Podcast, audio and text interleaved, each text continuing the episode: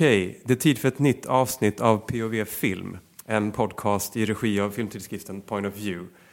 Tack till vår underrunner Konstab Filmproduktion, helhetslösningar inom kultursektorn. Idag befinner vi oss i ett kallt och härligt soligt Göteborg hos produktionsbolaget Plattform i de centrala delarna av staden. Det är januari och jag, Jon Asp, är på besök hos regissören Ruben Östlund som tagit en paus i klipprummet där han färdigställer arbetet med sin sjätte långfilmen Triangle of Sadness som han tidigare beskrivit som en metafor för den västerländska civilisationens undergång. En film som tur, i ordning äger rum på en modevecka, en lyxkryssare och en paradisö. Eh, Ruben, hej. Hej. Kul att få komma hit. Ja, kul att du är här. Om vi börjar, vad är, vad är status nu i klipprummet så att säga? Ja, men jag har klippt uh, ungefär en timme av filmen. Och jag har klippt den första delen då, den som utspelar sig i modevärlden. Och jag har börjat på den andra delen när de kommer till den här lyxjakten. Uh, och jag, jag, jag klippt lite annorlunda den här gången för jag har ju inte klippt kronologiskt mina tidigare filmer. Men den här gången så blev det en möjlighet att göra det med att vi började med att spela in modevärlden och sen så blev det ju ett stopp då, då på grund av pandemin. Uh, och då började jag klippa filmen kronologiskt. Och vanligtvis brukar jag alltid klippa min favoritscen först. Så jag börjar liksom med den scenen som jag tror kommer bli starkast. Och sen så, så liksom klipper jag nästa scen jag är mest nyfiken på. Men den här gången har jag faktiskt klippt klippt då kronologiskt och liksom försöker jobba lite med dynamiken av filmen redan, redan nu och lämna inte allt det till senare. Liksom. Um, så, jag, så jag är en, liksom en lång och rolig klippprocess. Uh, där, ja. Men vad har det inneburit då, med tanke på att ni hade flera månaders uppehåll? Då, då började ni klippa i det första materialet lite grann ju. Ja, precis. Hur påverkar det liksom, liksom den kreativa processen? Eh, ja, men det är så svårt att säga det, för att det är, liksom det, det är som att man får erfarenheter av det materialet man har gjort som egentligen bara smälter in och blir ett del av ens medvetande. Så de besluten man tar liksom senare, så är det en sorts referens som man använder sig av Uh, men kanske uh, omedvetet. Liksom. Det, det, är klart att det finns vissa idéer som uppstår på grund av att breaket uh, eh, kom som, som gjorde att jag ändrade manus. Och, jag har inget problem att tänka länge på filmerna så att jag, jag kan... Det, och när man lägger mycket tid på dem så kommer plötsligt en idé som just det, det är ju det som ska hända, eller det är ju så vi ska göra det. Så, så det, breaken innebar att vi liksom fick ett, en, en längre period att tänka på det som skulle utspela sig på ön och på yachten och eh, smälta materialet på något sätt. Uh, så, mm, men det var ingen så här, åh herregud, eureka, liksom. liksom det måste vi göra.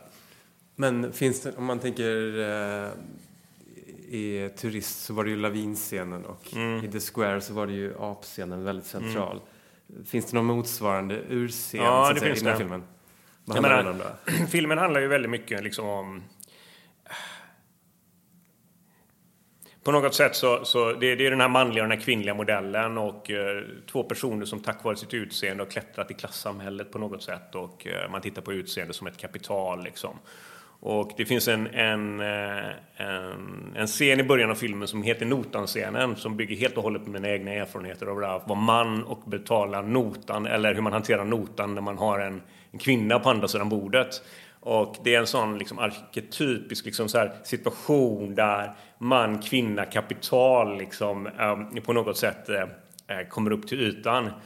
Och eh, jag kan bara berätta lite kort om den. För eh, det, det, det är liksom eh, min fru som jag lever med nu. I början av vår relation liksom, så vi kommer från väldigt olika bakgrunder. Jag kommer liksom uppvuxen i en sorts medelklassbakgrund med min mamma, en ensamstående mamma och hon kommer från en ganska konservativ tysk bakgrund där pappan verkligen har varit en patriark liksom. Och när, när vi har hamnat i den här typen av könsroller i en relation liksom, så har det varit så tydligt att vi har olika syn på det. Liksom. Mm. Och det var väldigt intressant när det just kommer till att betala notan. Och det finns två saker jag skäms så mycket som människa som när jag känner mig snål eller när jag är svartsjuk. Liksom. De, två, de två sidorna tycker jag, liksom, det är sån ynklig liksom så här, något småsint, någonting som man liksom så här, det, jag skäms mer än någonting annat kring det. Och eh, i början av relationen så, så liksom blir då tar man liksom den här manliga rollen, eller jag, jag, jag gjorde det då, liksom jag betalar. Och så, men så börjar jag känna, fan, jag, tycker, jag tycker väldigt mycket om henne, jag, jag, jag vet att jag vill vara med henne. Och, jag, och jag, vill inte att våra roller ska befästas på det här sättet, Vi, eh, det kommer störa mig liksom. Och eh, Eh, det drivs till en liksom, situation där jag känner så här, nej fan jag måste ta upp det här med henne liksom, för att vi har för olika syn på det här då. Och hon börjar nog känna det och så vid ett tillfälle så säger hon eh, så här, vi är på en restaurang och så säger hon, eh, Eh, jag har glömt, jag har glömt plånboken men eh, om du tar det ikväll så betalar jag imorgon. Och, och jag, och jag liksom, okej, okay, skönt. Eh, okej, okay, men skönt. hon, liksom, hon har någon känsla på det. Så nästa dag när vi sitter på semester, eller vi var i Cannes till och med tror jag. Eh, nästa dag när vi sitter där på restaurangen och så börjar vi närma oss att noten ska komma in. Och eh, jag känner redan hur jag liksom blir liksom, eh, stressad av det. Och notan hamnar på bordet och hon plockar inte upp den. Uh, och till slut så kan inte jag hålla mig så jag liksom börjar sträcka mig bara för att titta mycket ner. Då säger hon, direkt när jag gör det, så hon, tack så mycket älskling. Uh, och jag ser mitt, liksom, min egna manliga självbild liksom så här, svälja den där jävla irritationen som jag har, ta upp kortet och lägga det där och, och så frågar hon, vad är det? Och jag bara, eh, nej, nej, ingenting. Försöker liksom spela över det, men till slut klarar jag inte av det. Så jag bara, men du, du vet när du säger så, tack så mycket älskling. Du tvingar liksom mig att betala notan då. Och då är man inne på sådana här minfält som är så här, liksom varenda, det är så mycket eh, liksom, uh, vad menar du att jag är medvetet inte tog upp den? Alltså det finns många sådana saker. Mm. Men i alla fall, då tar hon notan och säger, okej, okay, men jag betalar. Och jag bara, men ursäkta, du kan inte betala nu liksom. Eh, eh, och så kommer kyparen och hämtar kortet. Och så visar det sig att kortet inte funkar. Eh, och det blir min räddning på något sätt. Mm. För liksom när det har hänt och jag har känt mig så här, fan också, låt mig betala. Du vet, så, så betalar jag. och innan dess så försöker hon titta efter om hon har cash. Liksom. Så hon lägger liksom cash på bordet. Och det hamnar en 50 euro, men hon har liksom inte med. Så jag bara, men jag betalar, jag tar det liksom. Så. Och så när vi går hem så så är det just det där att jag, jag vill försöka närma mig frågan men det är så jävla svårt liksom. Så, jag, så när vi går hem så, så, säger jag så här till henne. Intressant att det är så svårt att prata om pengar. Och då säger hon, jag tycker det är osexigt att prata om pengar. Mm. och så liksom så här. Mm. Eh, och det, det drivs liksom, det, det, jag, jag har försökt fånga ett sånt där bråk, du vet när det pendlar, går upp och så är man nära att klara sig ur det, men så gör man inte det liksom, utan man går in i det igen. Och den här kvällen för oss, den slutade så jävla absurt för att då åker vi hiss upp till liksom, rummet. Och eh, eh, diskussionen har hamnat liksom så här, eh, eh, att så här, jag tycker om att betala för det. Det är inte det liksom, jag gillar att bjuda dig på middag. Det är inte liksom så här, jag har något sårat manligt i mig. Mm. Och hon säger liksom ehm, eh, men, men, jo jag säger så här, men det finns en gräns liksom, jag känner mig utnyttjad. Så här, utnyttjar jag dig liksom så här. Uh, jag, jag har bjudit dig på middag ikväll. Ursäkta, du bjöd inte middag ikväll? Nej, men jag ska ju betala tillbaks. Aha, ska du betala tillbaks verkligen? Eh, ja. Varför tror du 50 euro sedan då stoppar tillbaks i din plånbok? Och jag bara känner så här, det där skulle jag aldrig ha sagt. liksom. så hon, och då bara ser jag så här, hon tar upp plånboken, tar 50 euro och så trycker ner skjortan på mig då, då. Och jag freakar ur. Och det är någonting med den liksom så här, Alltså så här, som, som kommer i kontakt med mig i så många olika lager. Liksom så här. Och jag, jag blir så förbannad så jag tar den där 50-eurosedeln, knycklar ihop den och så stoppar jag den mellan hiss... Dörrarna på hissen åkte upp nu. Jag stoppar den mellan hissväggen och hissen så den åker ner i hisschaktet. Liksom. Och så bara This is not about money. Vi pratar ju engelska med honom. Mm. This is not about money. Och så går hissdörrarna igen och hon åker ner och jag liksom ska gå till rummet. Då.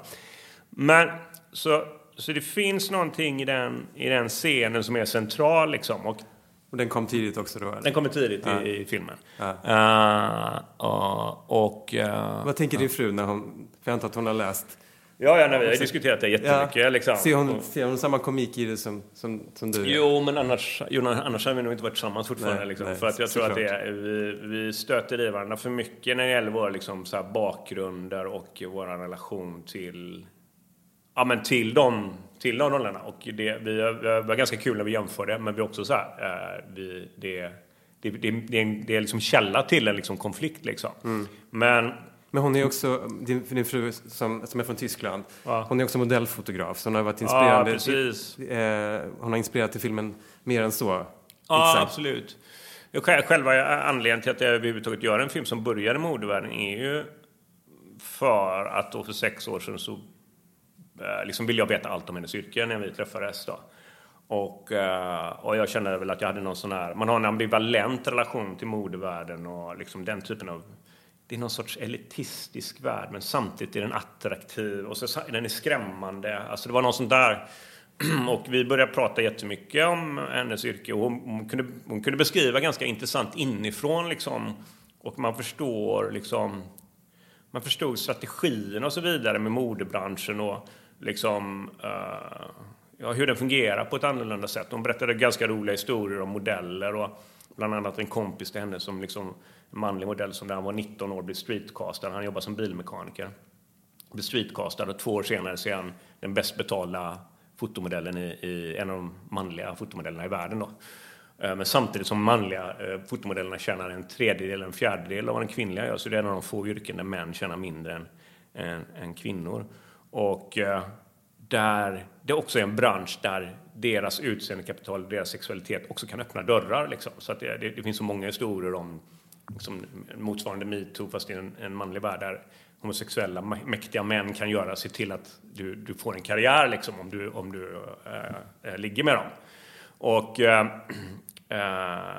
och det är också en sån, en sån bransch där du vet, man, det är lågstatusyrke liksom, att vara, att vara, att vara fåfäng som man. Alltså, mm. Och karriären är ju så kort liksom, så man kommer upp och vad ska man falla tillbaks på? Och, och de kvinnliga modellerna de pratar mycket om att jag kan bli trophy wife, liksom, jag kan gifta mig ur detta liksom, för att behålla mm. den här levnadsstandarden som jag har. Liksom. Uh, så det, det, det, var kul att titta liksom, utifrån en, så här, från en, en liksom, materialistisk syn, syn liksom, på världen och titta på hur, hur det här utseende kapitalet, hur man använder sig av det och vad, vad, uh, vilka konsekvenser det får i de här tre olika världarna. Då, liksom. Uh, i modevärlden på lyxjakten och på den öde ön. Då. Uh, och, För det är väl då två modeller ja, som, spelar, som spelar de här personerna under notan middagen ja, då? Precis. Det är Harris Dickinson och Charles Bedin. Charles Bedin, ja. Precis. Ja, och, och de får man följa vidare sen då? Ja, precis. Då, egentligen, man kan väl säga så här att eh, tanken har varit att eh, Charles Bedin är liksom en modell som är på väg upp och han är en modell som är på väg ner och de möts någonstans i sin karriär liksom, tycker om varandra men det är också bra för businessen liksom, så här, att de är tillsammans. Så det finns någon sån här, vad ska man säga, branded koppel liksom, känsla lite grann då. Uh, men, men de tycker om varandra så det är en win-win liksom. Det är bra för, ja. Mm. Uh, men så vi följer dem och de, åker till den här, de kommer till den här lyxjakten där liksom deras biljett att komma in i den här världen är deras utseendekapital. Då. Det, är intressant att titta på utseende för det är ju liksom en av de få Eh, liksom, egenskaper förutom bildning, pengar och liksom talang som kan få dig att klättra i ett klassamhälle. Då. Och, eh, eh, eh, så, på, så på den här yachten, det är där de möter liksom crème de la crème och eh, liksom i vår värld, alltså de rikaste. Liksom. Och eh, eh bland annat så är, eh, möter de ett mycket sympatiskt brittiskt par, en gammalt par som är väldigt fina. Och de har en diskussion med dem om så vad, what kind of business have you been doing? Och där paret säger well our products have been involved in many conflicts for democracy all over the world. Aha, what kind of product is that? Så de är vapenhandlare, ja. väldigt sympatiska vapenhandlare. Ja. Och, liksom så, så att det, men, um, och, och även Woody Harrelson är med i den delen på yachten då som är en marxistisk eh, båtkapten. Mm.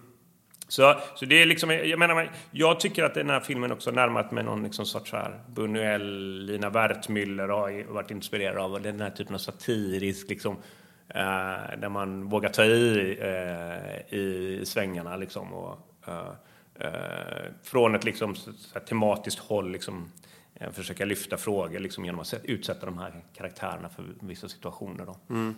Ja, Buñuel har du ju nämnt genomgående ja. genom åren. Jag läste idén att du hade inspirerats av allt ifrån marxistisk teori till Stig Dagermans De dömdas ö ja, och Roland Paulsen och sådär. Ja. Och förutom de ordevärden som, ja. som, som låg som en viktig inspiration mm. till en början. Vad skulle du vilja säga liksom är, vad är, vad är liksom det viktigaste temat i det? Liksom? I filmen? Ja. Du har också beskrivit det som en eh, liksom ett, som en flugornas herre fast där matriarkatet tar över och sådär. Jag tycker det är svårt att säga vad det är som är det viktigaste i filmen men, jag, men det som jag tycker har varit väldigt spännande är att gå in och titta på utseendet som ett kapital liksom, mm. och hur man använder det. Mm. Och sen så är det liksom någon, någon så här, uh, det har varit också roligt att gå in och titta på de här olika människorna som är i och försöka göra dem sympatiska allihop. Men, men det är själva setupen i situationen som driver dem till olika typer av agerande. Liksom. Men, um, så att det finns någon sån här, uh, titta på människan från ett liksom sociologiskt perspektiv där vi liksom där man fortsätter att försöka göra tydliga exempel av situationer för att lyfta det mänskliga beteendet och den, den, den synsättet man har på världen och människan och varför vi agerar som vi agerar. Mm. Och på något sätt lyfta bort blicken från jaget och sätta in jaget i ett sammanhang. Liksom. Uh, och om, jag, om jag tänker på vad jag tycker är viktigast med filmen i relation till den tiden vi lever så är det ju just den här eh, to totala fixeringen på liksom, individen och eh, individens agerande och liksom att, att och en ovilja att sätta in det i en kontext. Liksom, och, uh, och att uh, för, försöka ta bort den här, vad ska man säga, ja, den, den förklaringsmodellen som är i, den, i, det, i det individens handlande. Liksom. Mm. Uh, och om man går, då går tillbaka och pratar om Marx igen så jag har inte vetat om att Marx var en av grundarna till sociologin. Men det, det gör ju complete sense liksom, när man tänker på det, man tittar på hans teorier eh, liksom, utifrån vart agerande. Att sociologin hör ju totalt ihop med det här. Liksom. Uh, uh, och, och att, att, sätta in människan i, i, uh, i en kontext hela tiden in, när vi ser på hennes agerande. Liksom, så, då. så, så, det, så, så, på många sätt så är det samma typer av liksom, approach som jag haft med mina tidigare filmer. Men men i en ny, en ny setup med, med, med ett nytt liksom källmaterial för att undersöka liksom varför vi gör som vi gör. Då. Mm. Um, och en mycket högre budget än, än tidigare. ja, precis. Men, men, det är ganska ointressant på ett sätt. Då. Uh, ja, det tycker jag i alla fall. Men vad har utmaningen varit i det? För det är inte helt lätt alltid att, att gå från att vinna en Guldpalm och bli attraktiv över hela världen och få anbud och till en början, som jag förstod det, så, var det väldigt mycket amerikanska pengar som, mm. som skulle vara med och sen blev det mindre efterhand för att ni ville behålla ännu, ännu mer konstnärlig frihet och sådär. Mm. Kan du berätta någonting om, om den jo, processen? Men det kan jag, absolut. jag tycker att det är, liksom, det är intressant när man ser Plötsligt ser man ett mönster, vad som händer med människor när det har blivit en liksom, framgång som är stor. Uh, att det, det är som att det, det tar ett år extra uh, innan det händer någonting. Och eh, eh, nästan, nästan genomgående kan man se det på vissa regissörer när de hamnar i en viss typ av, liksom, när de vinner Guldpalmen eller en Oscar eller vad det nu är. Så, och det är som att det blir en ballong som blåser upp som blir lite för stor. Eh, och alla som på något sätt du är i kontakt med har en bild av eh, eh, att det som man sysslar med är på en lite större skala än vad det egentligen är. Så, så så den ballongen blåses upp och så förväntningen är på att det liksom, plötsligt kommer man in i den här amerikanska attityden. Jag tycker, den är ju väldigt intressant för att det spelar ingen roll hur mycket man pratar om den och skillnaden mellan det europeiska förhållningssättet och det amerikanska förhållningssättet. När man är i den amerikanska industrin och den miljön så tror man fortfarande att de menar att de vill göra filmen. Liksom. Eh, eh, men, men de säger ja ända tills de ska beskriva på ett kontrakt. Då börjar själva förhandlingen. Mm. Och då, då säger man så här, men prata, nu låter vi advokaterna prata. Det här är inget personligt och de kommer kämpa som eh, djur liksom för att liksom försöka få största delen av kakan. Det är inget personligt för dem. Medan det europeiska är, men vi har ju gjort en deal, vi har ju bestämt oss för att göra det. Så att det är helt olika kulturer ändå. Ja, det är, det är olika ja. kulturer. Och det, och det, blir plötsligt så här, det, man skulle ju kunna bli arg om man tycker att det inte, det, det inte funkade riktigt. Men snarare så är det bara att de, man förhåller sig till två olika kulturer när det gäller, när det är liksom en konkurrens om att få projekt och sådär. Så att, så att eh, man säger alltid ja först. Sen kanske man säger mm. nej när man har förhandlat mm. hela liksom, uh, projektet. Då. Så då blev det plötsligt att vi fick en mycket mindre uh, budget än vad vi hade tänkt att vi skulle göra. Eller inte, det, det var som att... För att ni inte ville gå till mötes helt enkelt med, handlar det om skådespelare och sånt där då? Det, var, det, det, kan man väl säga att det är så här, eh, hade, man, hade man använt ett visst antal kända skådespelare i huvudrollerna så, här, så finns det ju liksom, då kan man ju försälja filmen och den ekonomiska kalkylen går igenom eh, på, på ett helt annorlunda sätt. Liksom. Mm. Man är inte beroende av att göra en bra film. Det är ju det som också är intressant med det amerikanska systemet, att man kan spekulera i en produkt som inte behöver vara kvalitet. Liksom. Utan eh, då är det bättre... Excel-ark man fyller i. Det är ett Excel-ark man fyller i ja, precis, och finansieringen är klar. man kan dra ner på inspelningstiden för att det är bara en dyr faktor som, som gör att det här kommer bli ekonomiskt mindre eh, framgångsrikt. Liksom. Också om man tittar på hur branschen ser ut idag. Så, så det, och den typen av... Jag, jag, jag hade sagt jag kommer inte sätta några kändisar i huvudrollen liksom, om inte jag tycker att de är de bästa för för rollerna. Och så har jag ju sagt jag vill provfilma alla som ska, som ska uh, spela i filmen. Och då, då, är, då, är, då är det ju en viss typ av skådespelare som inte vill göra det och vissa har velat göra det ändå. Liksom sådär. Men så har jag valt utifrån de som jag tycker uh, blir bäst för projektet. Uh, och, och då, då har vi, vi har velat göra det som en plattformfilm även om vi har gått in och eh, tagit in lite amerikanska pengar. Men, så, man ska prata med Erik Bonetta. Jag tror att han, han är nog en av de liksom, europeiska producenterna som har mest erfarenhet av att försöka kombinera amerikanska pengar med europeiska pengar. Det är ju extremt svårt. Liksom. Det är många, många som, som aldrig har lyckats göra det eh, och i, i den här, den här nivån. Då. Och många som går vilse på, på vägen också, både ja, film och tv. Där. Men tänker du att de närmar sig varandra ändå, de här systemen? Eller? För den här instrumentaliseringen låter ju ändå som att... Men jag, tänker, som... jag tänker att det har varit så här, från turist Alltså när efter, efter man har gjort play de här första filmerna. Det finns ju någonting som regissör i början liksom när man... Uh, jag tycker det är intressant att se hur många det är som gör sin första film som någon sorts liksom... Man gör det utifrån en sorts europeisk arthouse-tradition liksom. Och sen så blir det som att det blir ett maner. Eh, och man klänger sig fast vid en form som egentligen är lika mycket genre som den, som den amerikanska filmen är genre.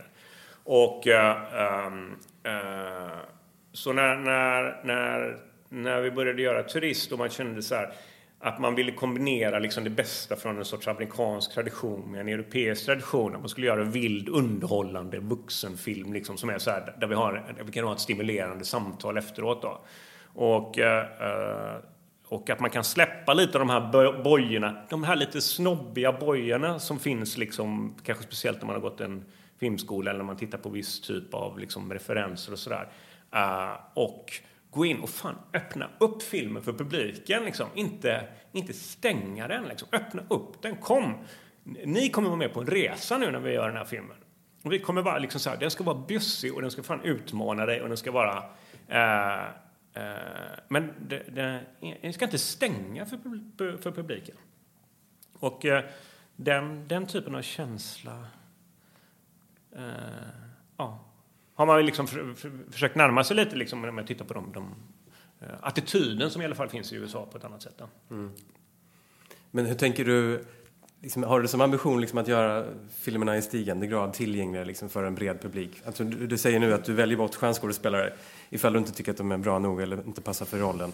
Men du är också öppen för att ta in svenska kändisar i cameos och sådär som, uh -huh. som eh, Camilla Läckberg och Alex Schulman i den här filmen och sådär.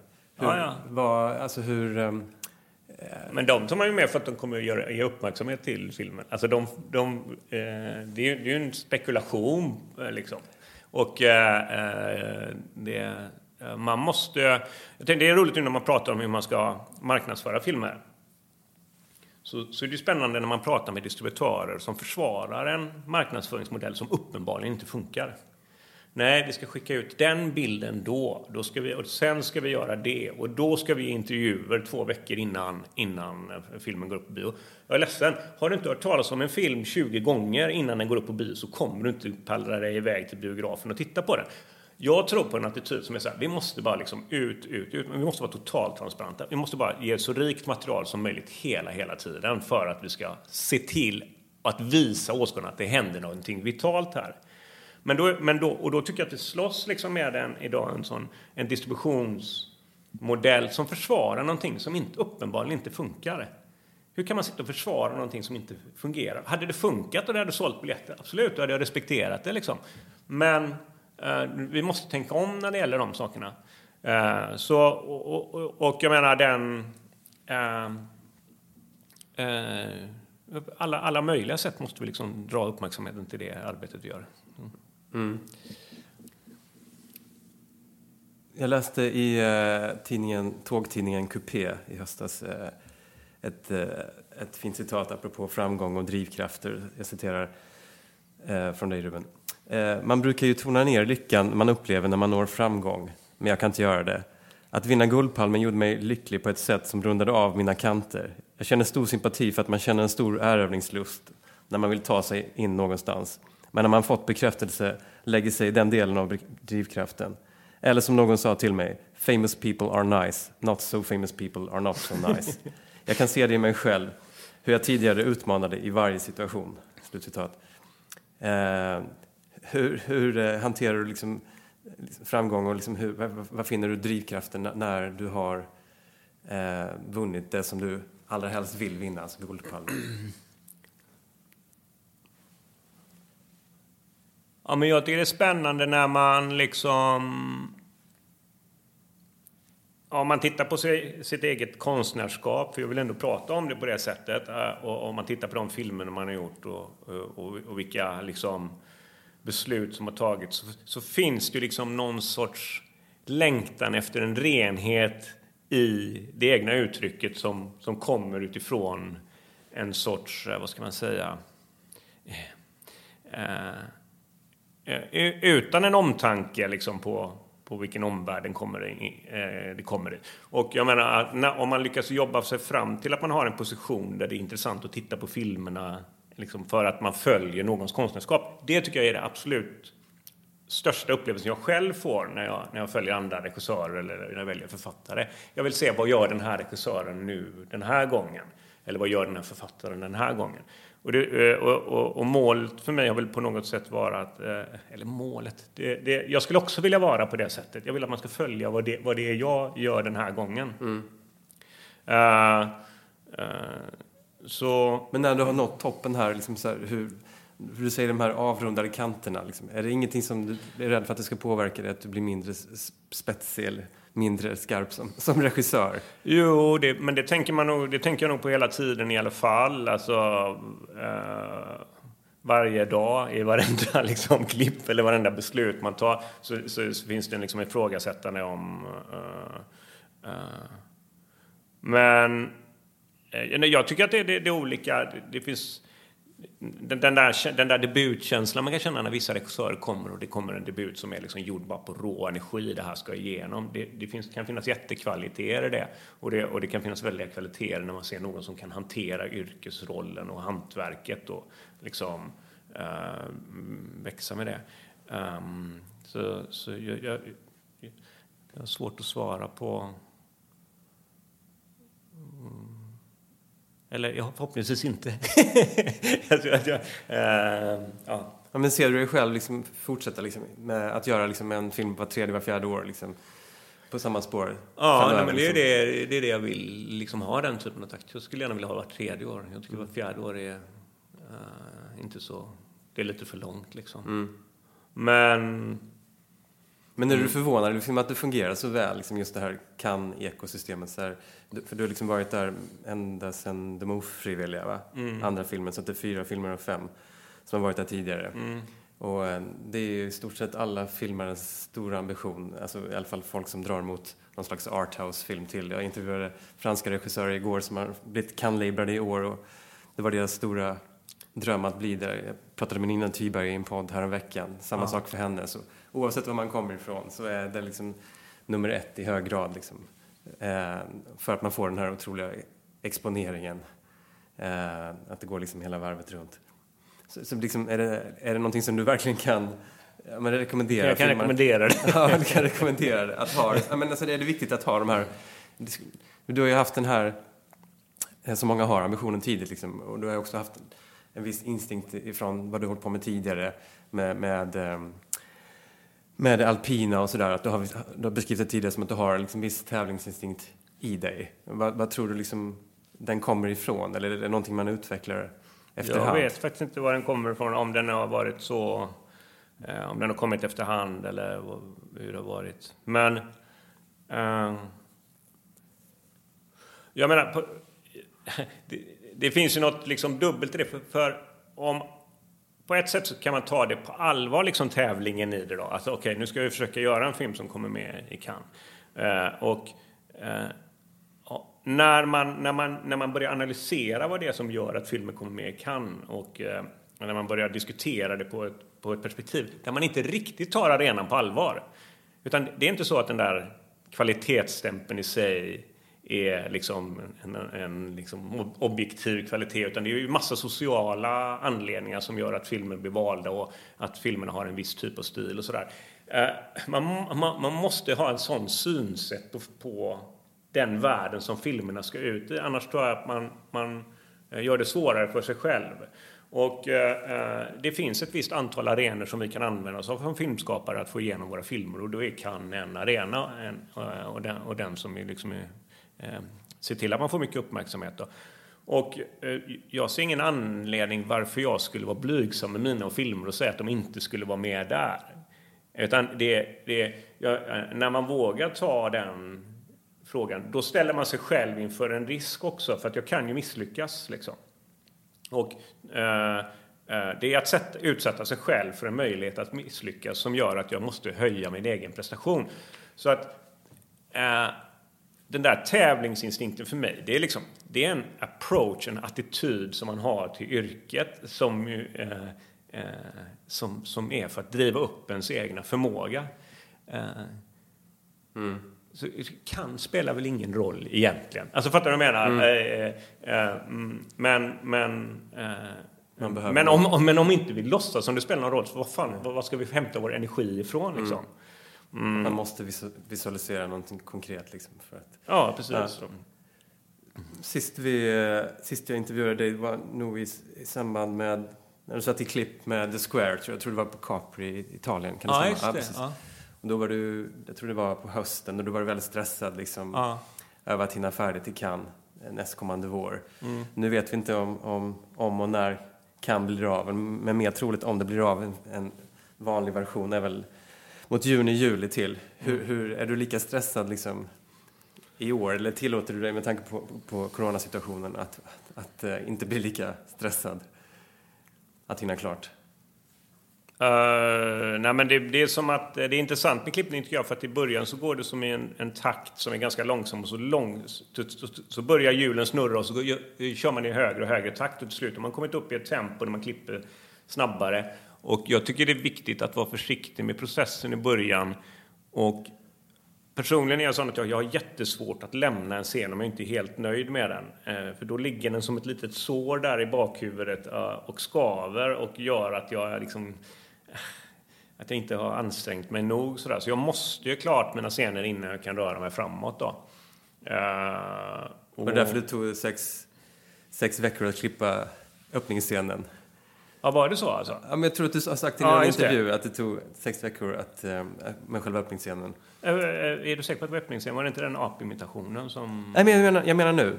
Nu, den här, ja. den här filmen? Precis. Ja, det Sadness. stämmer kanske, ja. ja, just. Det. ja. Jag njuter så mycket av liksom, att sitta och arbeta.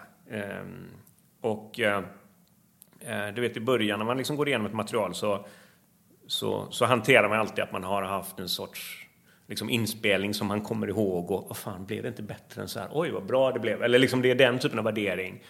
Och det, eh, sen när man väl har kommit in i arbetet och man börjar skulpturera scenen, då är det så jäkla roligt att börja flytta på små, små detaljer. Så jag kan hålla på med det hur länge som helst.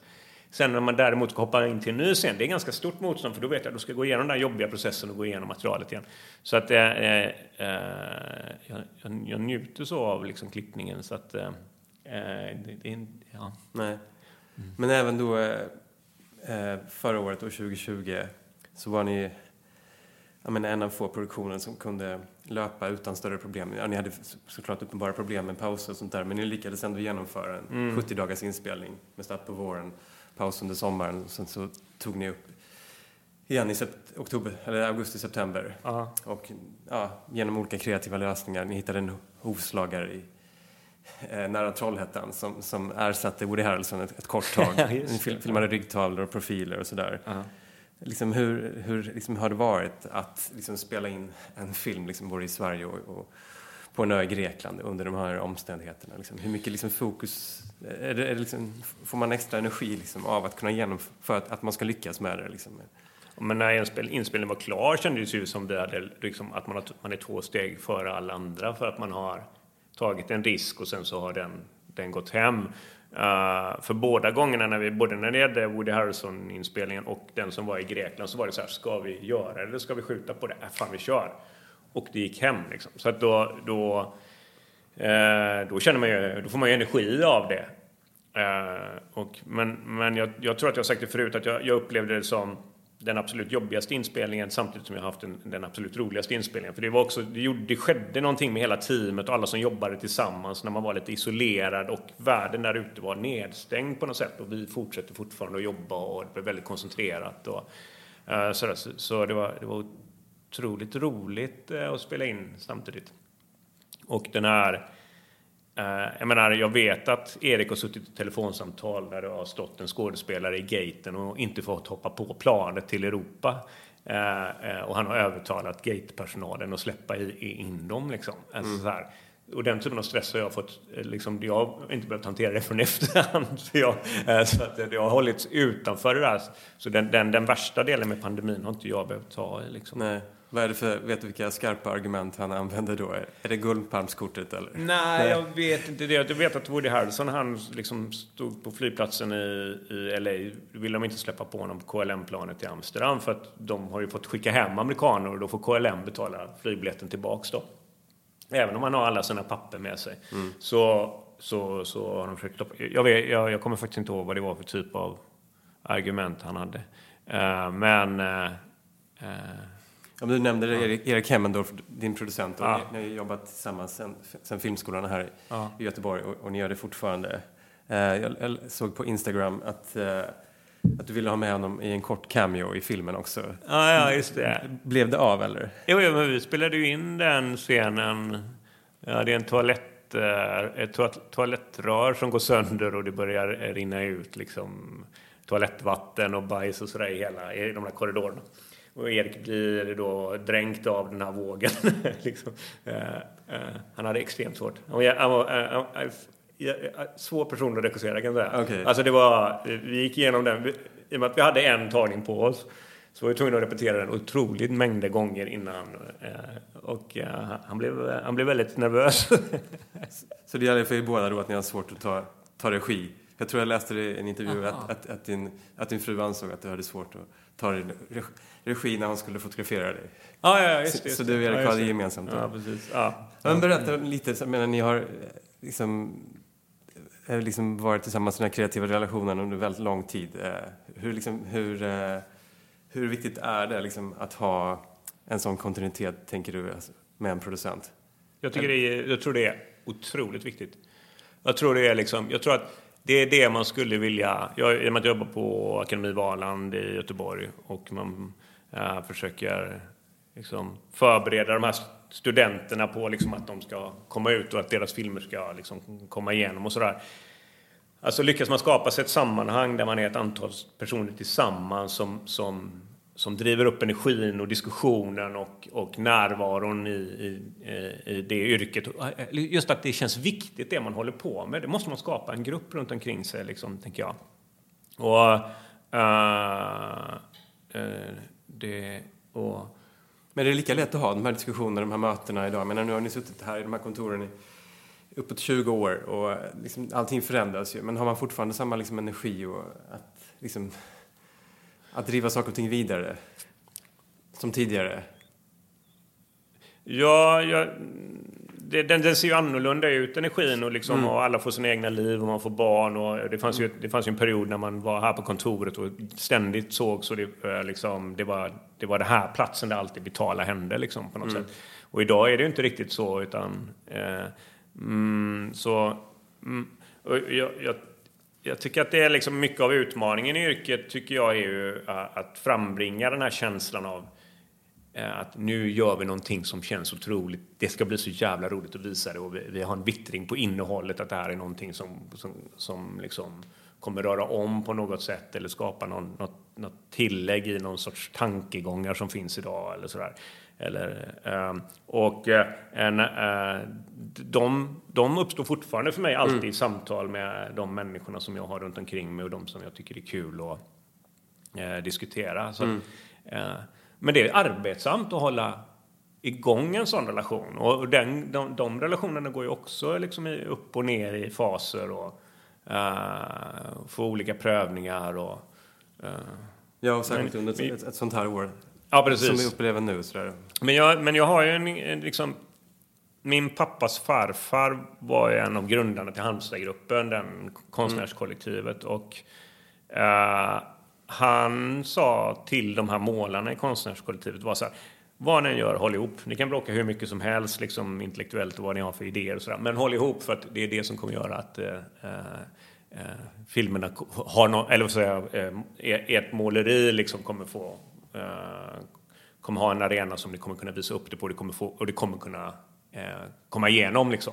Och det, det, den funkar ju väldigt bra den strategin. Liksom. Och jag tror att när det gäller, när det gäller få en, att få till en vitalitet i filmsverige så, så om man försöker skapa sådana här lilla gruppen runt omkring sig eh, är en, en väldigt viktig ingrediens. Liksom. Mm. Uh. Just under det här året som har varit, nu har du, liksom, har du kunnat se mer film än vanligt? Liksom, eftersom man... Jag har tittat jättemycket på film. Jag tycker det är intressant. Jag har blivit mer och mer filmintresserad. Eh, jag var inte så intresserad av film i början. Jag tyckte det var kul med och filmkameran, tyckte jag, eller eh, videokameran. Och, och, och närmade mig yrket liksom från ett annat håll. Men nu, nu har jag faktiskt blivit mer och mer intresserad av film. Så jag tittar väldigt mycket på film nu, det mm. senaste. På all möjlig film eller? Ja, nu har jag tittat, eh, jag kan säga två. The Father har jag sett då, nu kommer jag inte ihåg vad han heter, en fransk regissör. Men Anthony Hopkins spelar huvudrollen, som jag tyckte var väldigt, väldigt bra. Uh, uh, så otroligt välskrivet. Uh, och sen har jag sett First Cow av Kelly, Kelly Reichardt. Kelly Reichardt ja. också. Tyckte också var jättebra. Och, Fantastisk film. Uh, är det, är det Oscar-filmen då? Eller? Ja, precis. Det är så lyxigt. Vet man med i eh, akademin då så får man en... Eh, man kan ladda ner en app till Apple TV och in där kommer liksom alla filmer som som är eventuella Oscars ah. no, eh, nominerade, som kan bli nominerade. så att... Så att eh, Vad praktiskt. Ja, det finns ingen anledning att gå till biografen. jag läste din intervju med Claire Denis som också äh, sitter i samma ah. äh, jury. Och äh, hon satt och såg nog alla de här filmerna på nätterna och tyckte det var väldigt bekvämt och trevligt. Liksom. Det kunde ah. såklart inte ersätta biografvisningarna. Ser du också filmerna på nätterna eller? Nej, det gör jag inte. Nej, på kvällarna ser jag dem.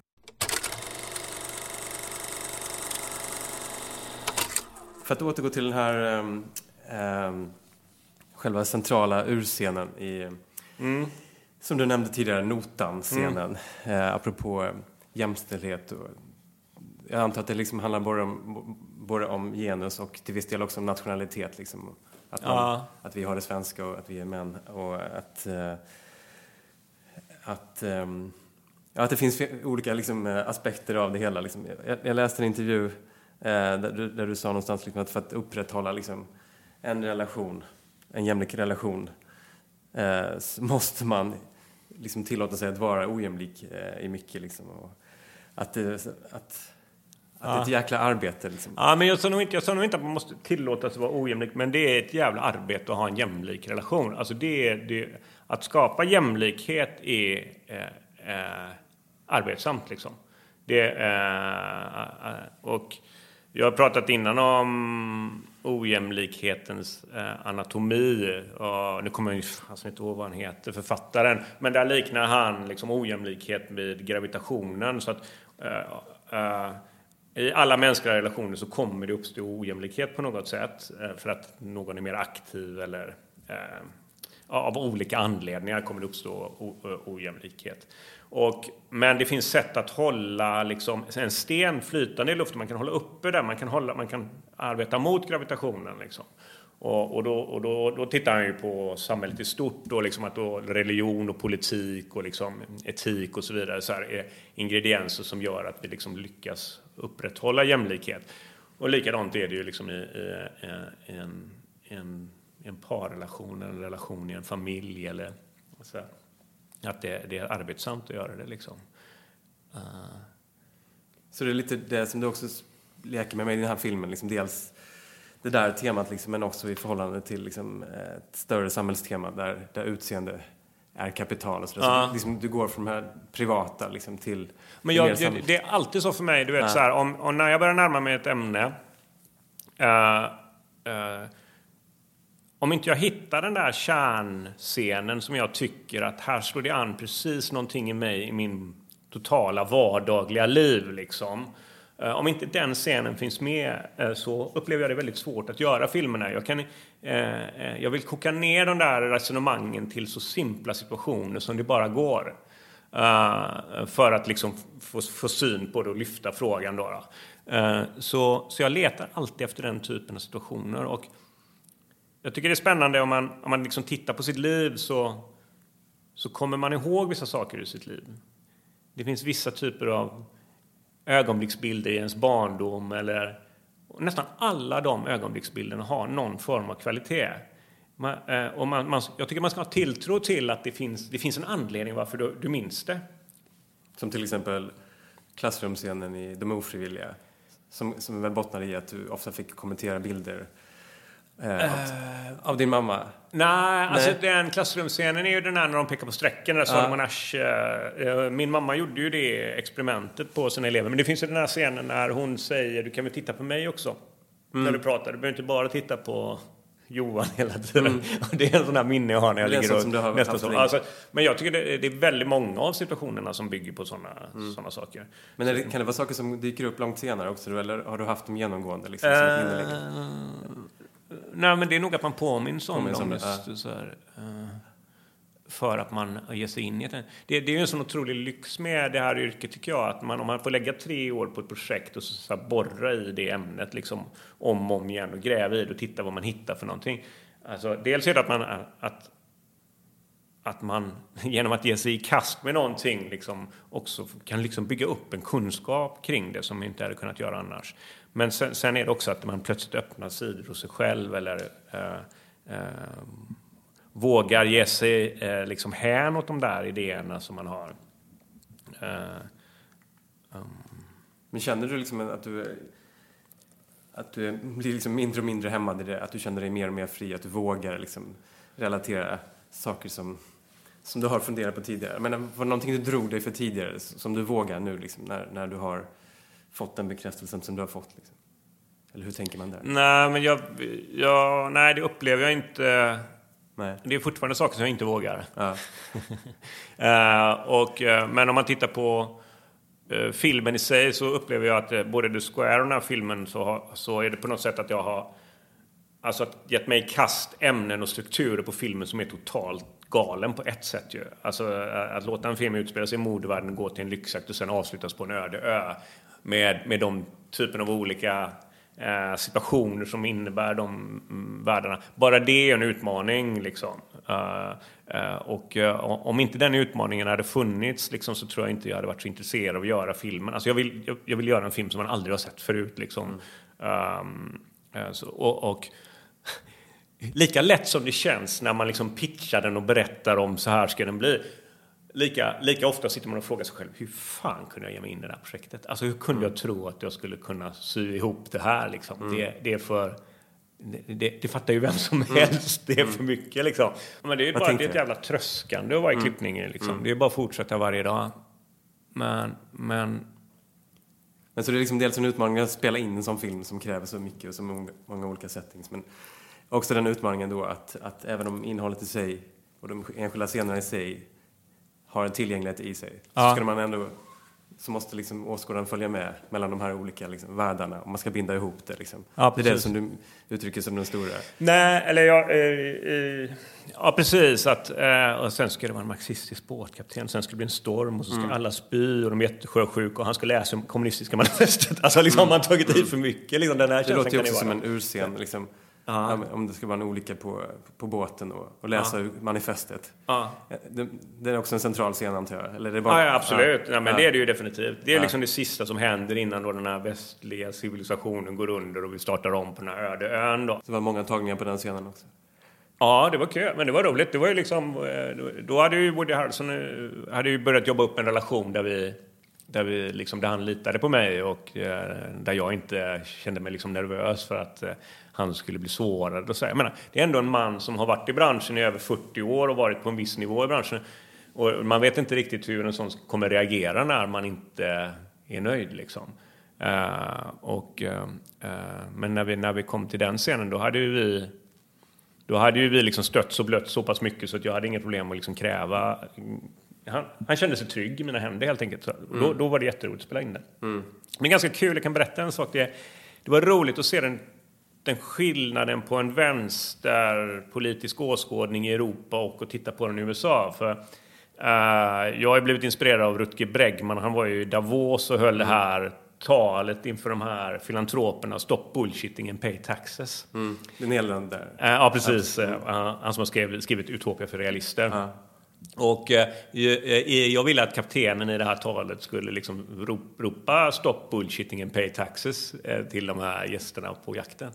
Och eh, Woody bara sa nej, det, där, det resonerar liksom, eller så här, that, that doesn't resonate for me. Jag bara, men vad menar du? Så, nej, men, och det var så tydligt att, att den där idén, staten är korrupt. Alltså liksom så här, mm. jag, jag, staten är, den, den står för liksom vapenhandel och lobbyism och liksom den där totala misstron för staten. Uh, och jag försöker prata om, nej men vi, det, är från ett europeiskt eh, liksom, perspektiv där, mm. vi har en tilltro till staten. Vi tror att staten ska liksom, betala skatt så finns det en idé om att det kommer eh, gå tillbaka till samhället. Liksom, då. Och att det hela den där, att den, den, den där vänsterrörelsen som på något sätt, ja men icke Bernie Sanders på ett sätt då, eh, där, där, där clashade helt och hållet våra politiska åskådningar. Vi hade ganska mycket diskussioner om det. Och, uh, så han vill inte säga stop bullshitting and pay taxes.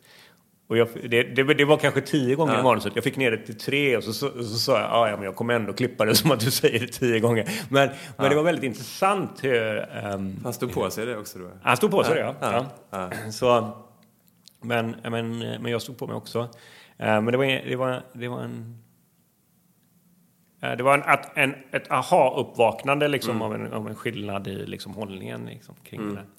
Men hur tänker man liksom, när det händer så mycket under en sån här inspelning då, som blir ganska utdragen då, med tanke på pausen liksom, och att det är ett väldigt stort projekt som det alltid är med dina filmer. Alltså när det händer så mycket runt om i världen med, med pandemier och, och med Trump inte minst nu, allt som har hänt sådär. Alltså, alltså hur tänker man annorlunda liksom, kring själva materialet? Liksom, och, men det, det fanns ju naturligtvis en känsla av i början när man sätter igång en film och så inser man att den här liksom, händelsen kommer, världen kommer komma ut och vara annorlunda på andra sidan. Mm. Uh, att det uh, gör att man tittar på den filmen man håller på med. Liksom. Och, uh, men jag kände ganska tidigt att eh, filmen har den typen av ingredienser som, som bearbetar liksom någon sorts apokalyps eller någonting som ska hända efteråt. Så att jag, jag blev inte så eh, orolig av det utan jag tyckte okej, okay, vi, vi måste lita på det här innehållet i den här filmen och gå med det och liksom eh, eh sådär. Mm. Um, Vad tror du är skälet till liksom att, att det är just det här källmaterialet, det marxistiska som du nämner, som har blivit eh, mer påtagligt i, i den senaste filmen. För det finns ju rätt många idag, alltså, filosofer och författare. Du, vi nämnde Roland Paulsen tidigare och det finns ja. även Martin Hägglund som har skrivit This Life som också utgår från det marxistiska i hög grad. Och, är, är, liksom, är det någonting i tiden generellt som... Ja, det tror jag definitivt. Eh... Men jag tycker det är spännande, liksom hela den där hur kommunism och socialism och marxism och så vidare har, hur man har lyckats ge det en sån extremt dålig stämpel. Mm. Eh, när man tittar på de tankegångarna som, som Marx hade så liksom, vad är det som har gett det så dålig stämpel? Om man tittar på de absolut mest eh, framgångsrika entreprenörerna i världen så är de ju helt uppenbart materialistiska i sin syn. Liksom. Annars mm. har de inte varit så framgångsrika. Men det, det, är läskigt att man är så liksom, materialistisk i sin syn och liksom har den här typen av liksom, sociologisk överblick och sen så går man i ber i kyrkan på söndag. Liksom. Alltså, det finns någonting i det som är, inte stämmer, som är, det är inte schysst liksom. För att, eh, eh, och eh, eh, jag blev extremt provocerad om man bara tittar på det sättet som Sven Wollter blir påhoppad på grund av då, liksom man säger det, de stöveltrampen från de kommunistiska diktaturerna och så vidare. Liksom. Ja, men kom igen, vi pratar om något annat. Vi pratar om en idé om hur vi ska eh, fördela saker och ting i samhället. Alltså det, mm. det är så jävla billiga kort som man så mm. länge har kunnat slänga mot den här typen av politiska åskådningar, vilket gör att det blir bara det blir så här, det går inte att föra en intressant diskussion kring Nej. de här sakerna riktigt. Men, men, men det återkommer alltid, även, även i de här minnesorden och minneskommentarerna efter Sven Wolters död. Så, så, måste man hela tiden ta det där kortet. Liksom. Men han hade de här tossiga kommunistiska eh, åsikterna. Alltså, Ja. När de bara har pratat om det kreativa tidigare. Ja, eh, ja, som en hela tiden som en reservation för att... Ja, det är väldigt märkligt. Det, det förtar ju diskussionen i hög grad. Ja, precis. Precis. Mm. Men, det, men det känns ju som att det finns något Jag är ju uppvuxen totalt med en mamma som är kommunist som hela tiden pratat om liksom, eh, marxistiska teorier. Och eh, personligen liksom, så börjar man hamna i någonting att man, det, det, det som man liksom kan enas kring det är ju att det är inte rätt att exploatera människors arbetskraft. Liksom. Jag tror att vi alla håller med om det. Medan där vi har gjort en, en liksom där vi slipper hantera den typen av liksom slavdrift som faktiskt sker för att hela den typen av industrier flyttar till andra länder och liksom så här. Uh, uh, men om man, skulle, om man skulle börja där, det är inte okej att exploatera andra människors arbetskraft. Uh, om man skulle börja i den ändan så, så, så känns det som man skulle komma åt så många av de här problemen som vi, som vi nu har liksom börjat stirra oss blinda på i någon sorts individperspektiv. Och och då blir liksom samägandet blir en lösning som, som, som, som känns... Liksom, var, varför har vi varit så extremt skeptiska till den? Um, ja. Vi har ju väldigt mycket politiska diskussioner i min familj. Min, min, vi har, kommer från väldigt olika håll och alla, alla tycker... Eller vi har, har hamnat på olika platser och tycker olika saker och diskuterar väldigt liksom, eh, utifrån det här. Då. Jag tänkte på det som du sa med Woody Harrelson eh, nyss. Var det fler sådana problematiker som återkom under liksom, inspelningen? Med honom. Ja, men jag tänker så här, just att man, att man förenar liksom, skådespelare från två olika... Eh, från USA och Europa. Liksom, till, Woody Harrelson hade väl scener tillsammans med Henrik Dorsin, till exempel. Hur, liksom, hur funkar Ja. det liksom, att, att sammanföra människor från olika kulturer? Liksom, och, eh, uppstår det fler sådana där This doesn't resonate to me scener? Så här. Vi hade väl, var det åtta olika nationaliteter i de här olika rollerna. Och jag menar, på, på det som sker på ön är ju nästan någon sorts ensemble som spelar tillsammans. Och, eh, den där som spelar städerskan, hon kommer från Manila i Filippinerna. Charles Bedin kommer från Sydafrika. Liksom, eh, och det är USA, och det är Tyskland och det är Frankrike. Alltså det är liksom alla de här olika nationaliteterna. Eh, men allt det där försvinner liksom när man börjar jobba tillsammans. Det är, det är precis som den, den typen av erfarenhet man gjorde Play, att man trodde att det skulle finnas någon sorts motsättning mellan de här pojkarna för att de kommer från olika delar av stan och från olika typer av eh, klassbakgrund. Men så fort de börjar jobba tillsammans så ser man liksom alla motsättningar försvinner. Så fort man har ett gemensamt mål på något sätt. Då.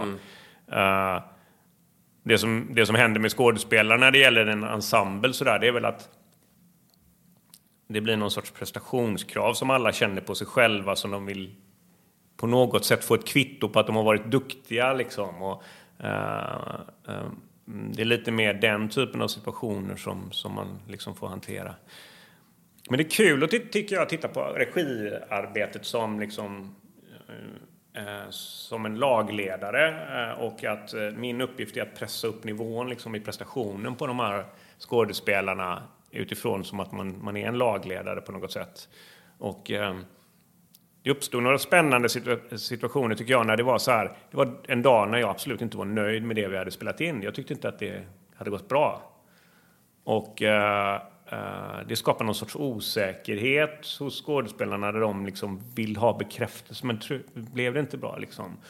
Och eh, där, där man kunde säga nej, det blev inte så bra idag, men imorgon ska vi spela en ny match. och förhoppningsvis kan vi pusha upp det oss till den nivån vi behöver vara på imorgon. Uh, uh, och den där... att Det, man måste- det sa du då, eller? Ja, att man måste försöka undvika den här extrema strävan efter konsensus av att det har väl gått bra, det har väl gått bra. Alltså om vi inte vågar titta kritiskt på oss själva och vår, vårt eget liksom, yrkesroll och sådär. Så eh, då blir det väldigt svårt att, att förbättra någonting då.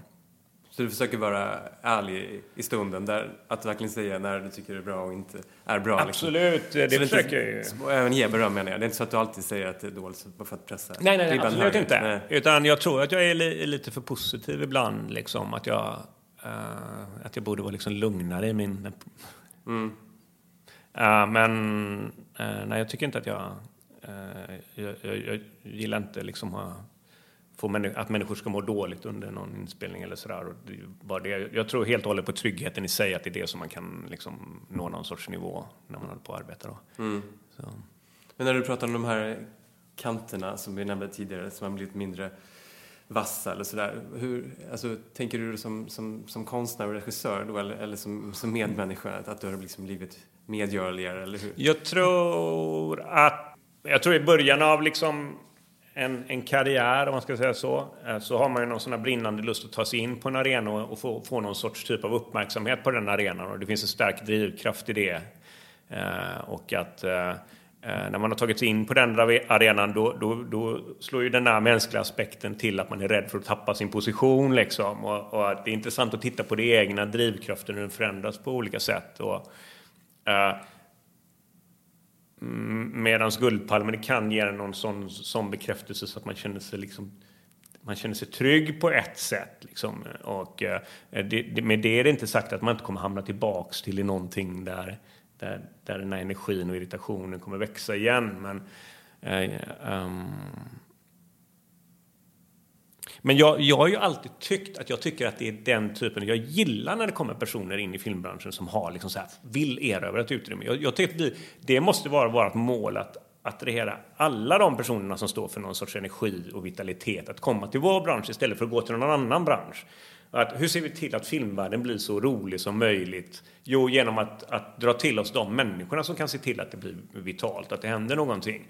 Uh, uh, och, så, så, hur ska man bli bättre på det då? Hur ska man locka till sig de här?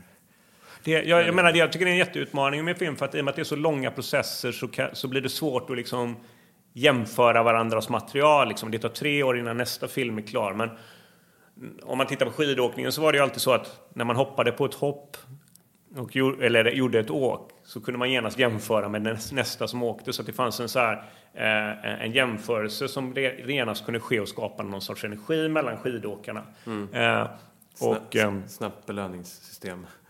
Ja, precis. Mm. Ja. Men, och då, och då, då tänker jag det, det,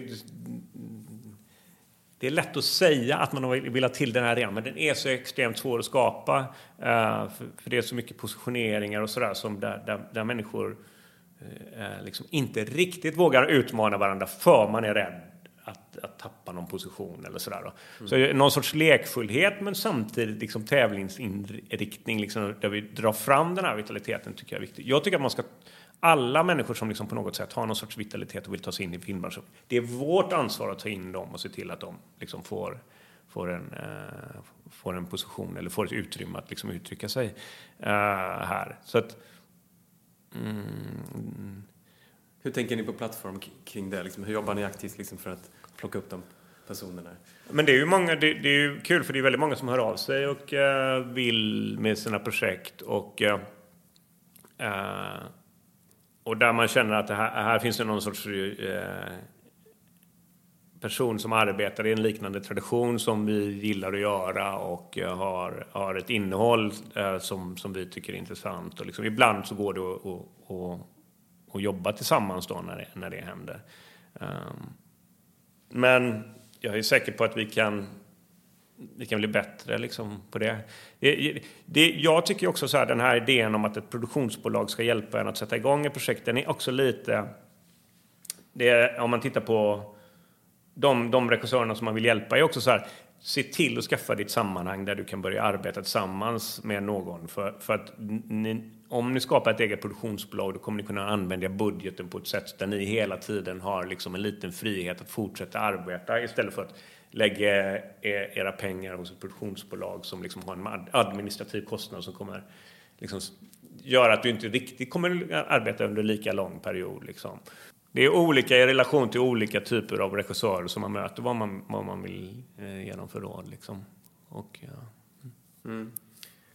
Nu i dagarna så ska du ta emot eh, hedersdraken, eh, Honorary Dragon Award, på festivalen, Göteborg Filmfestival. Mm. Eh, hur, tänker du, eh, du? Du bor ju fortfarande kvar i Göteborg. Du är född här på Styrsö utanför. Och du har tonårsdöttrar, eller hur? Mm. Som bor här också. Kommer du, liksom, kommer du eh, att Kommer du vara Göteborg trogen i hela ditt liv liksom, eller, eller pendlar du redan mycket nu? Det beror lite på de ska renovera, jag har ju stambyte i lägenheten okay. där jag bor.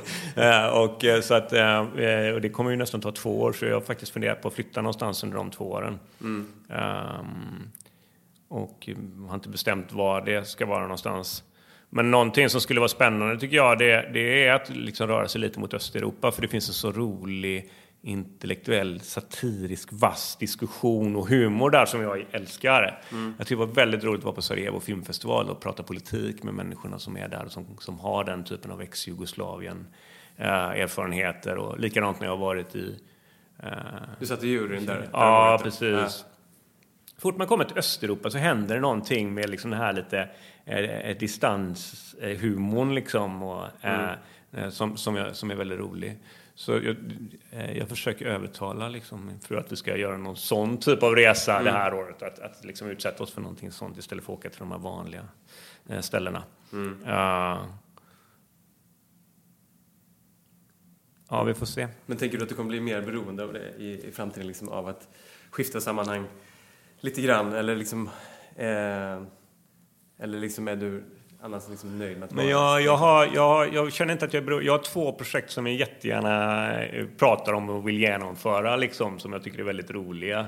Det är roligt att prata om dem också. Och, och så att den där, den att fylla på den där input-grejen behövs inte just nu, utan... Eh, eh, Nej. Så... Eh, ja.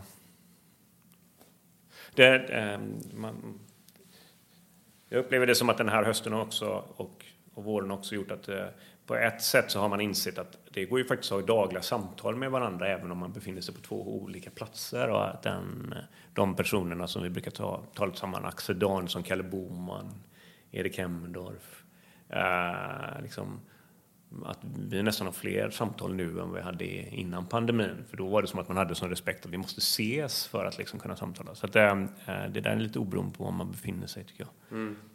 Uh, jag kan ju känna att det, så här, energimässigt så kan man ju ibland känna liksom under den här pandemin att det är som en våt filt som lägger sig över saker och ting för att det är så mycket osäkerhet inför framtiden. Och, uh, hur ska vi få till en liksom, vital bioscen igen och liksom uh, vilket inte, liksom, jag menar, det finns inget egenvärde i det, liksom, tycker jag, att människor går och tittar på bio. Alltså, jag skiter väl om de går och tittar på Avengers på bio eller om de tittar på det på eh, någon streamat. Alltså, det har mm. ingen betydelse för mig. Nej. Men för, för den typen av bransch som ska vara vital och rolig, för att vi ska tycka att den här tiden är den roliga tiden för film, då, då, då är det en viss typ av arena som vi måste liksom, vara med och skapa. Liksom.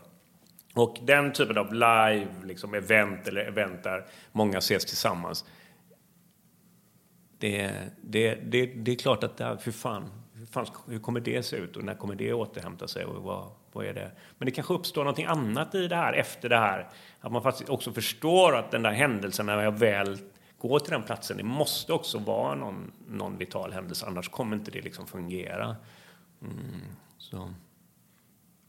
Jag pratade med fransk skådespelare och regissör häromdagen. Eh, vi pratade om det utifrån konstnärskap, att vara konstnär och behovet av det. Och, men hon sa att hon, hon liksom aldrig skulle kunna återgå liksom till, till det normala livet och ha ett vanligt jobb. Liksom, för att eh, det privilegierade livet som hon lever som, som konstnär, att det, är, att det skyddar henne liksom, från, från den yttre världen. Liksom. Mm. Ju mer aggressiv världen blir, desto mer försöker hon skydda sig. Kan du känna igen dig i det? Liksom?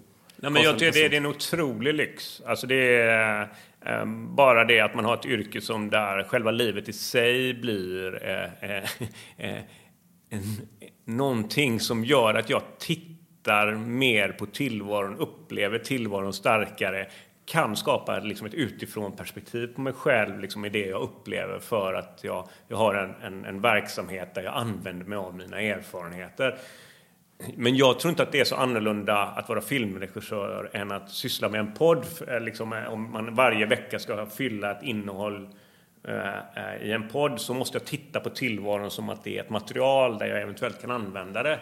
men det är ett jäd, liksom, jäd, jädrigt liksom, så här, rikt sätt att ta sig an livet. Liksom. Och, uh,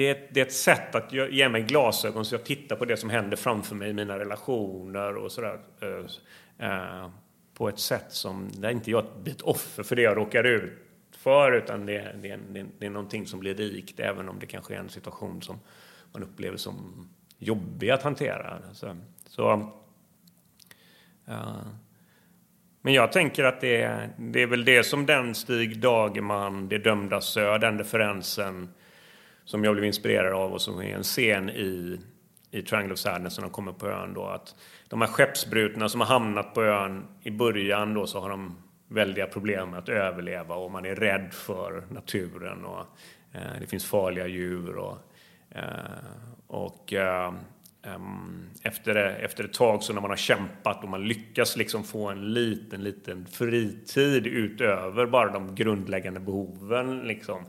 Och vad gör man då i det ögonblicket? Eh, eh, jo, man bestämmer sig för att man ska rita någonting på klippväggen, att man ska måla någonting på klippväggen. Och i Det dömda sö så väljer de ju att måla ett, ett lejon. Eh. Och i det ögonblicket när kampen för överlevnad är över och när man börjar skapa någonting, då uppstår det en ny kamp och det är hur ska världen porträtteras? Och uh, uh, det är en lyx som liksom människan har, att vi kan, att, att, att vi kan liksom uttrycka oss, att vi vill eh, göra en avbild av det vi har eh, upplevt, att eh, vi vill dela med oss av våra erfarenheter. Det, det, det, det, finns, det, finns, det finns en kvalitet i det, liksom, i, det livet som är, som, som är svårt att liksom uh, och, och, tänka sig att man kan kunna ersätta det med någonting.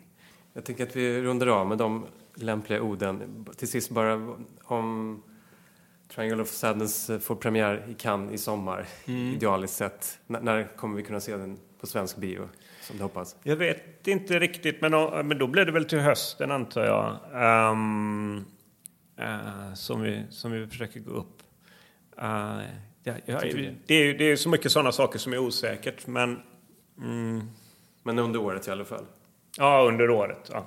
Och jag menar, det, tanken har väl varit på något sätt att vi ska försöka se nu hur det utvecklar sig och när finns det ett fönster att släppa den här filmen. Det kan ju vara så att det finns ett momentum plötsligt där man kan komma ut med en film och den kan få ganska mycket uppmärksamhet för att mm. det finns eh, en lucka. Men vi får se. Man måste vara rörlig. Flexib man måste vara flexibel i det. Ja, ja, jag tror att vi måste vara det mm. nu. Och, uh, ja. Mm. Men tror du kan kommer bli av i, i år då? Som... Eh, ja. ja. jag vet, jag, jag tror det. Jag får tacka dig så mycket, Ruben Astlund. Tack. Tack så mycket.